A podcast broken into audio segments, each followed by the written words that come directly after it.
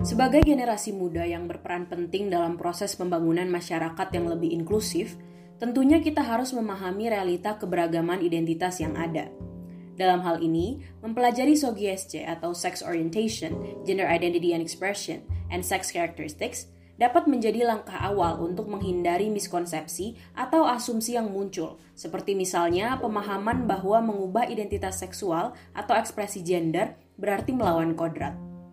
Selebihnya, kesalahpahaman dan ketidaktahuan inilah yang menjadi dasar dari stigmatisasi identitas gender para transpuan dan transmen dan memposisikan ekspresi gender lain sebagai anomali. Lantas, sebenarnya bagaimana realitas yang dihadapi oleh komunitas transgender di negeri yang konservatif ini?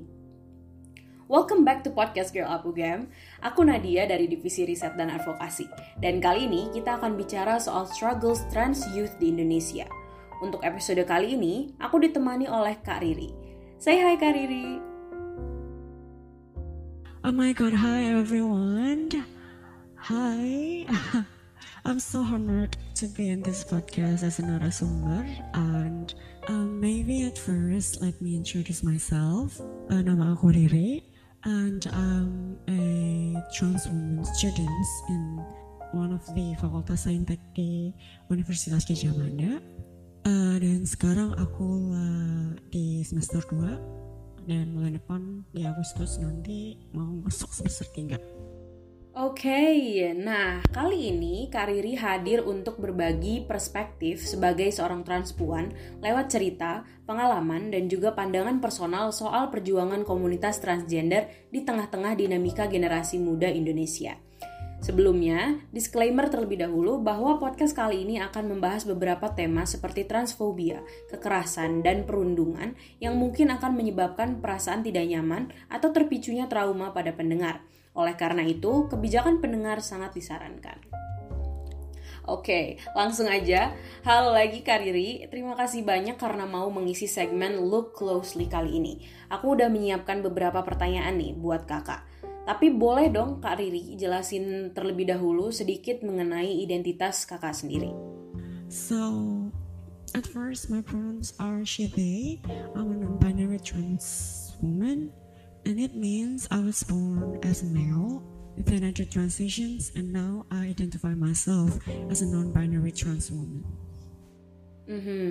Nah, uh, sebagai seseorang yang identifies as a non-binary trans woman or as a trans youth, Kariri sendiri pernah nggak sih menemui atau mengalami bentuk-bentuk diskriminasi berbasis SOGSC di lingkungan perkuliahan? Kalau pernah, itu biasanya apa saja bentuk diskriminasi yang ditemui dan bagaimana cara Kariri mengatasinya? Oke, okay, so first of all, aku udah terluka mengenai identitas gender aku ke teman-teman satu fakultas bahkan satu univ. And yes, I do. I face a lot of discrimination based on SJSC di lingkungan perkuliahan tuh mostly malah dari unintentional act. Jadi kayak mereka tuh unintentionally throwing a transphobic jokes ke teman-teman mereka. And I know it sucks but yeah. Itu sih yang bentuk yang paling sering aku temuin but itu cuma sebagian orang sih yang ngelakuin. But it's it so sucks you know knowing that seharusnya lingkungan kampus itu adalah lingkungan yang aman bagi siapa pun untuk mengekspresikan diri mereka dengan adanya jokes tersebut. Kayak I do feels like am I deserved to expressing myself there? Like I always questioning myself with that questions all time. Karena ya karena hal tersebut sih but you know sometimes I just don't care about it. I am who I am. Right? Of course. We are whoever we want to be. Ya enggak? Jadi uh, setelah dengar jawaban dari Kak Riri tadi, there is also a lot of concern yang apa berkaitan dengan dunia perkuliahan. Jadi aku pengen nanya kalau dalam lingkup lebih luasnya sendiri, sebenarnya bagaimana identitas kakak sebagai seorang transpuan mempengaruhi aspek-aspek penting lainnya, mungkin seperti pendidikan dan lain-lain.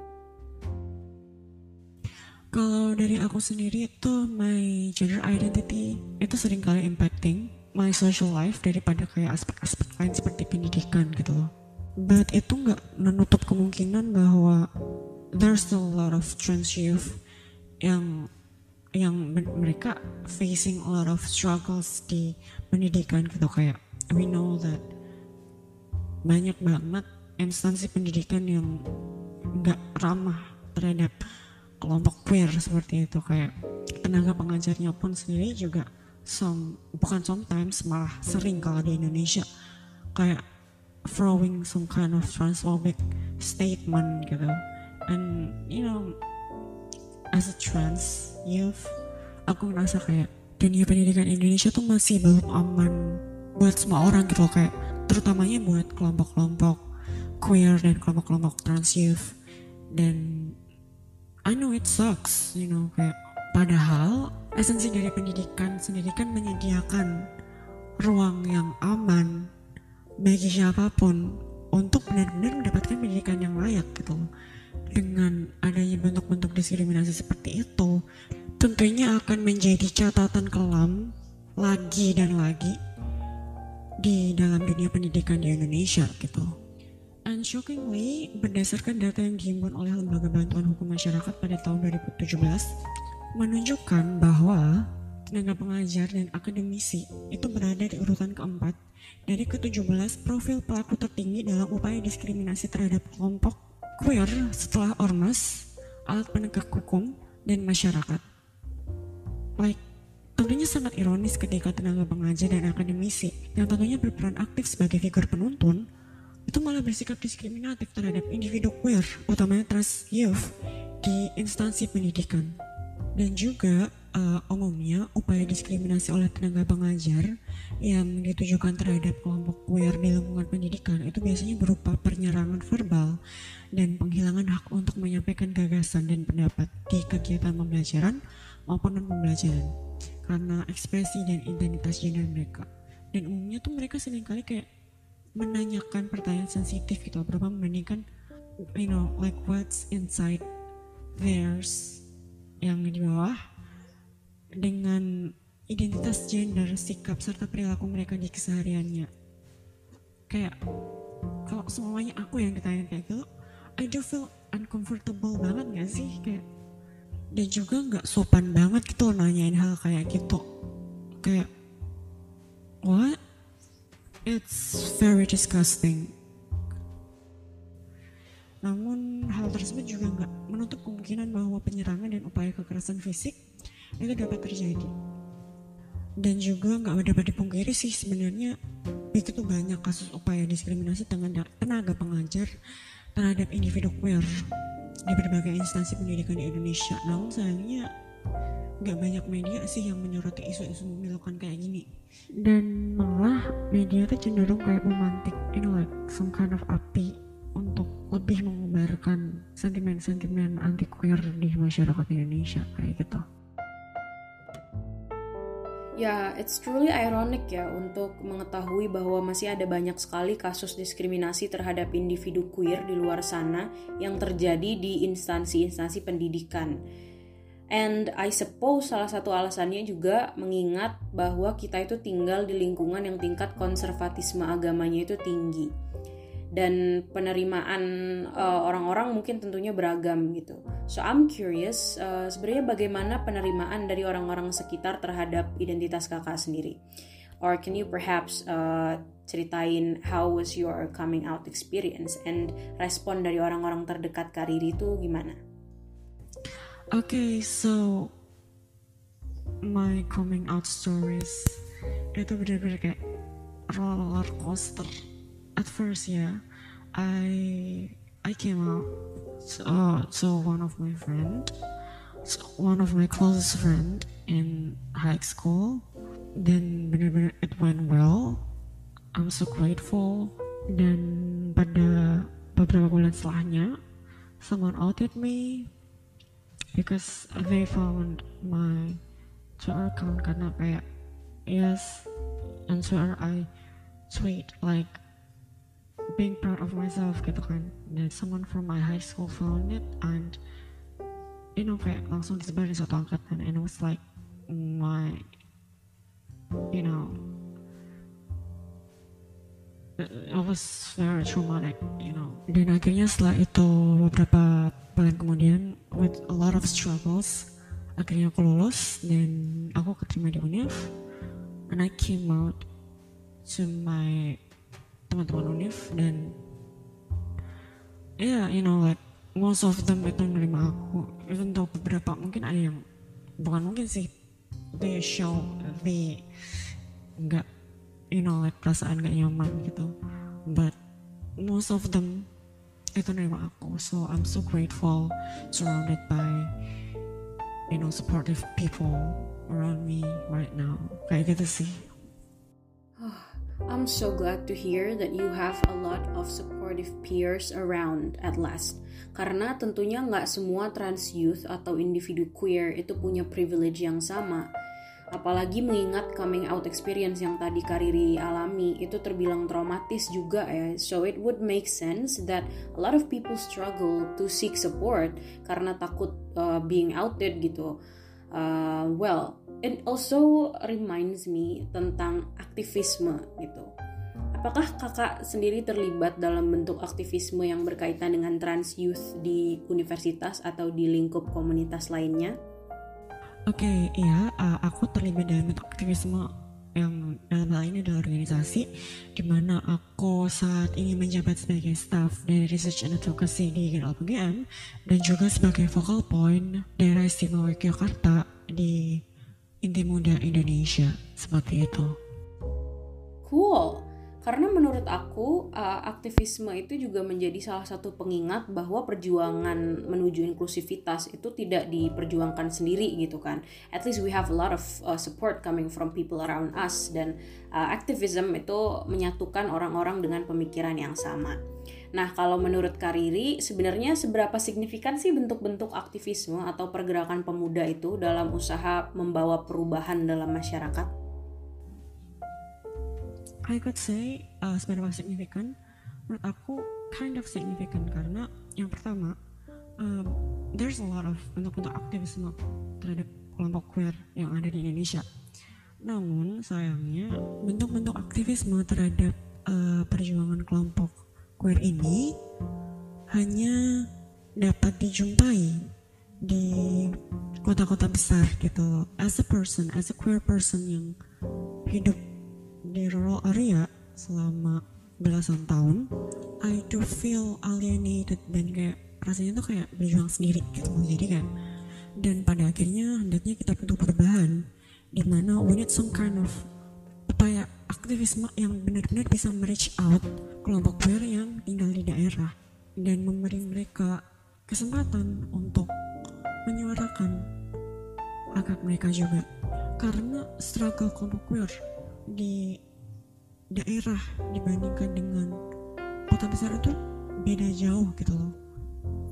Dengan kita mengikut sertakan kelompok-kelompok queer dari daerah untuk menyuarakan hak-haknya juga maka akan lebih representatif upaya-upaya aktivisme terhadap kelompok queer dengan hal itu diharapkan gak ada kelompok queer yang being left out lagi dalam upaya aktivisme kayak gini nantinya.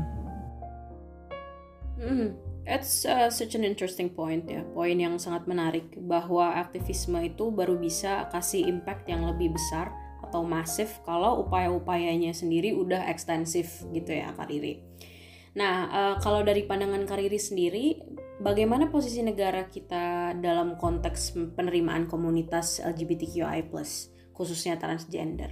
Also perihal advokasi dan perjuangan membuat KTP untuk transgender itu sebenarnya bisa nggak menurut Kariri sendiri dianggap kemajuan yang signifikan menuju inklusivitas Indonesia? Oke, okay, ngomong-ngomong soal posisi negara dalam konteks penerimaan komunitas LGBTQIA, khususnya transgender di Indonesia tuh kayak masih bias gitu Well, di Indonesia sendiri belum ada hukum yang benar-benar mau nyatakan dengan tegas mengenai keberadaan kelompok queer. It's mereka nggak mengkriminalisasi, but mereka juga nggak melindungi gitu. Padahal kami sebagai queer, sebagai kelompok yang rentan itu harusnya memiliki jaminan hukum yang pasti. Dengan ambiguitas status kami di mata hukum, ini akan membuat kami semakin lebih rentan lagi karena apa? Yang pertama, we know that kami adalah kelompok yang sering kali digoreng sebagai isu tahunan.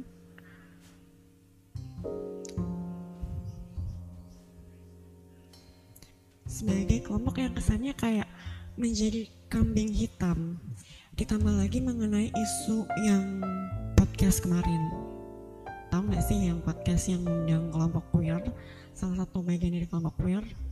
Dan akhirnya banyak pejabat yang angkat suara dan berencana untuk mengkriminalisasi kami hal tersebut juga disebabkan oleh status kami yang awalnya benar-benar ambigu di mata hukum tapi ngomong-ngomong kalau soal KTP ini untuk transgender, bisakah dianggap kemajuan signifikan menuju inklusivitas di Indonesia?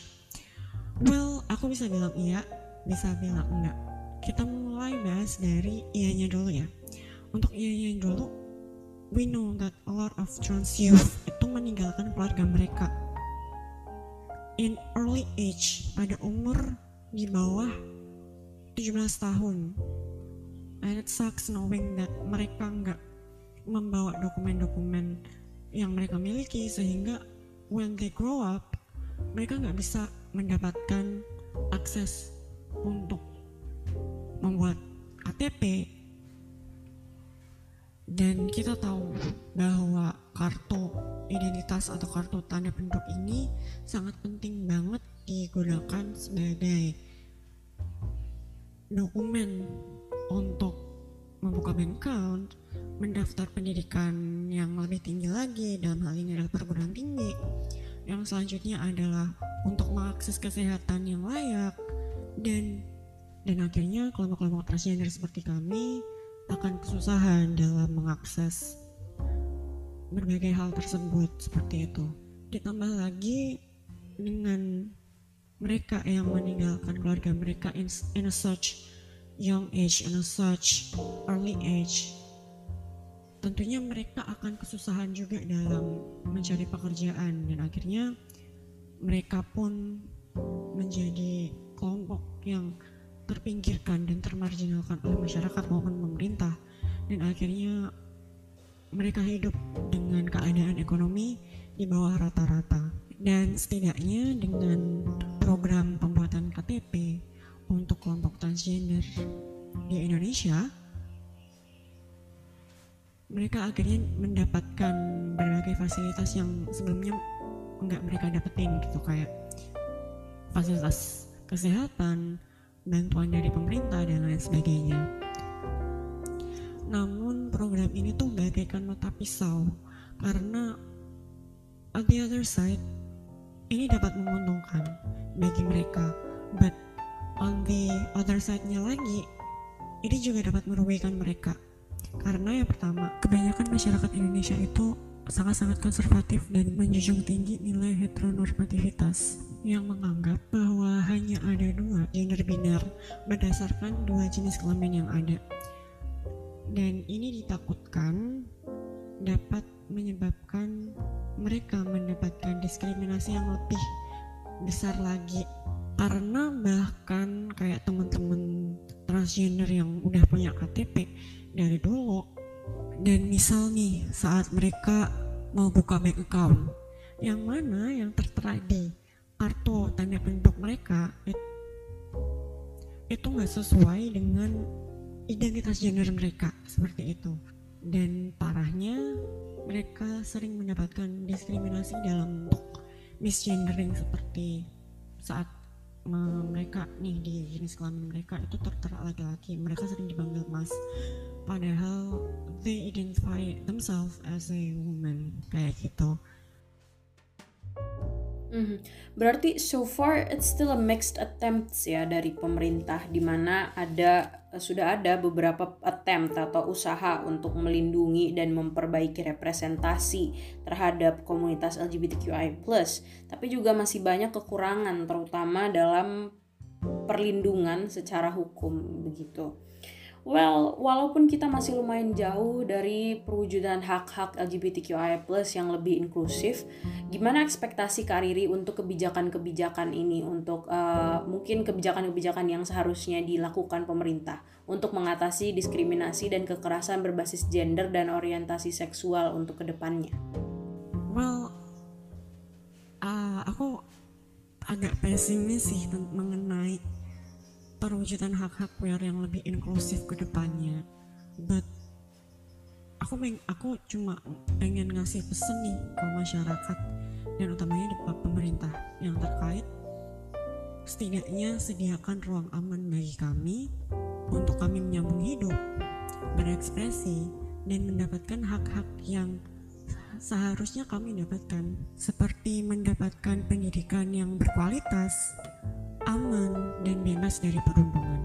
Saat ruang aman tersebut sudah terwujudkan dengan baik, aku yakin pasti nantinya bakal terwujudkan juga kebijakan-kebijakan untuk mengatasi diskriminasi dan kekerasan berbasis gender dan orientasi seksual ke depannya. Betul banget. Kita sama-sama berharap tentunya agar penyediaan ruang aman untuk trans youth dan uh, eh, LGBTQIA community secara general itu bisa segera terrealisasikan. Uh, also, I just got reminded of something nih Kak Riri. Ngomongin soal representasi identitas, uh, salah satu topik menarik kita yang bisa aku ingat itu adalah tentang pronouns ya. Uh, which is something yang bisa dibilang juga sebagai salah satu aspek yang harus lebih banyak dibicarakan karena masih banyak orang yang belum aware terhadap pentingnya label ini gitu. So, what does pronouns mean to you? What does pronouns means to me? Okay, first of all, uh, pronouns itu nggak sama dengan ekspresi gender maupun identitas gender. Jadi pada dasarnya uh, pronouns itu adalah bagaimana kamu ingin dipanggil, bagaimana kamu ingin disebut. Sedangkan untuk identitas gender sendiri itu adalah bagaimana kamu mendeskripsikan dirimu, bagaimana kayak kamu tuh merasa kayak dirimu tuh gimana gitu. Dan seberapa pentingnya pronouns bagi aku, pronouns are very essential. Karena you know we as a human being gitu kita sebagai manusia kita selalu berkomunikasi. Dengan adanya komunikasi maka akan memunculkan panggilan-panggilan yang diberikan oleh orang satu ke orang yang lain. Dan that's why uh, pronouns are very important and very essential for me karena aku memiliki otoritas untuk bagaimana aku pengen dipanggil oleh orang lain. Aku pengen disebut oleh orang lain dengan sebutan yang aku mau Nice. Uh, karena penggunaan pronouns yang sekarang sudah semakin umum itu bisa jadi salah satu tanda bahwa respect terhadap tiap individu itu sebenarnya bisa dimulai dari hal-hal yang kecil gitu ya, hal-hal terkecil. Sebagai sesama generasi muda yang ingin menunjukkan apresiasi dan penerimaan untuk komunitas transgender, aku juga uh, merasa bahwa itu penting untuk berhati-hati atau be mindful mengenai cara kita berkomunikasi dengan satu sama lain. Salah satu contohnya itu dengan pronouns tadi. Nah, uh, dalam persoalan yang sama, dalam topik yang sama, apa aja sih tindakan atau penggunaan istilah tertentu yang sebenarnya bisa dikategorikan kurang sopan atau disrespectful, tapi masih sering dilakukan? Bisa Kak Riri kasih contohnya supaya kita bisa lebih mindful lagi tentang uh, dengan cara kita berkomunikasi. Yes, there's a lot of things that actually very disrespectful, but uh, some people thinks, especially cheeseheads, things that it's okay to say this to us. Yang pertama adalah backhanded compliment. Di mana di sini sering banget orang-orang bilang kayak pasti pernah denger kayak gini lo cantik banget kayak cewek asli. Or something like lo ganteng banget cewek kayak cowok asli. Like what? Like this is very disrespectful to us because it's invalidates our gender identity. Like what does asli means to you? Gitu right there right here I'm gonna say it that trans women are women and trans men are men. Period. I'm a real woman and that's it. That's the basic knowledge that everyone should know. Dan yang kedua adalah komentar miring based on our appearance yang cenderung menginvalidasi identitas gender kami. Misalnya nih, there is trans women that dress quote-unquote masculine on their daily life. Salah satunya adalah aku. Itu sering banget dapat komentar kayak, Aren't you a trans woman? Why do you dress like this? Why do you dress that masculine? Like, what the fuck? You know, one thing that everyone should know is pilihan dan otoritas untuk memakai pakaian apa yang kalian mau, it's a part of your expression not your part of your gender identity. And on this point, I'm gonna elaborate it that you don't have to be dressed feminine to be a trans woman. You don't have to dress masculine to be a trans man. And you don't have to dress androgynous to be a trans non-binary. Your clothing style is on your head. It's your authority. And you are still valid. That's it. We are valid. I think that's such a good sentence to end our podcast for today. Tapi uh, just to underline lagi, that some of the examples yang tadi udah Kariri sebutin truly make me feel enraged inside ya, bikin aku kesel juga.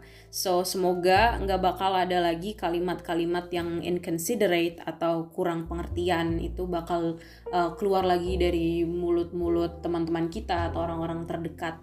And well yeah, uh, untuk mengakhiri perbincangan kita di episode kali ini Tentunya balik lagi perlu diingat bahwa penerapan konsep SOGSC tentunya sangat penting karena menyangkut hak-hak komunitas LGBTQIA+, khususnya transgender yang masih sering dipersekusi.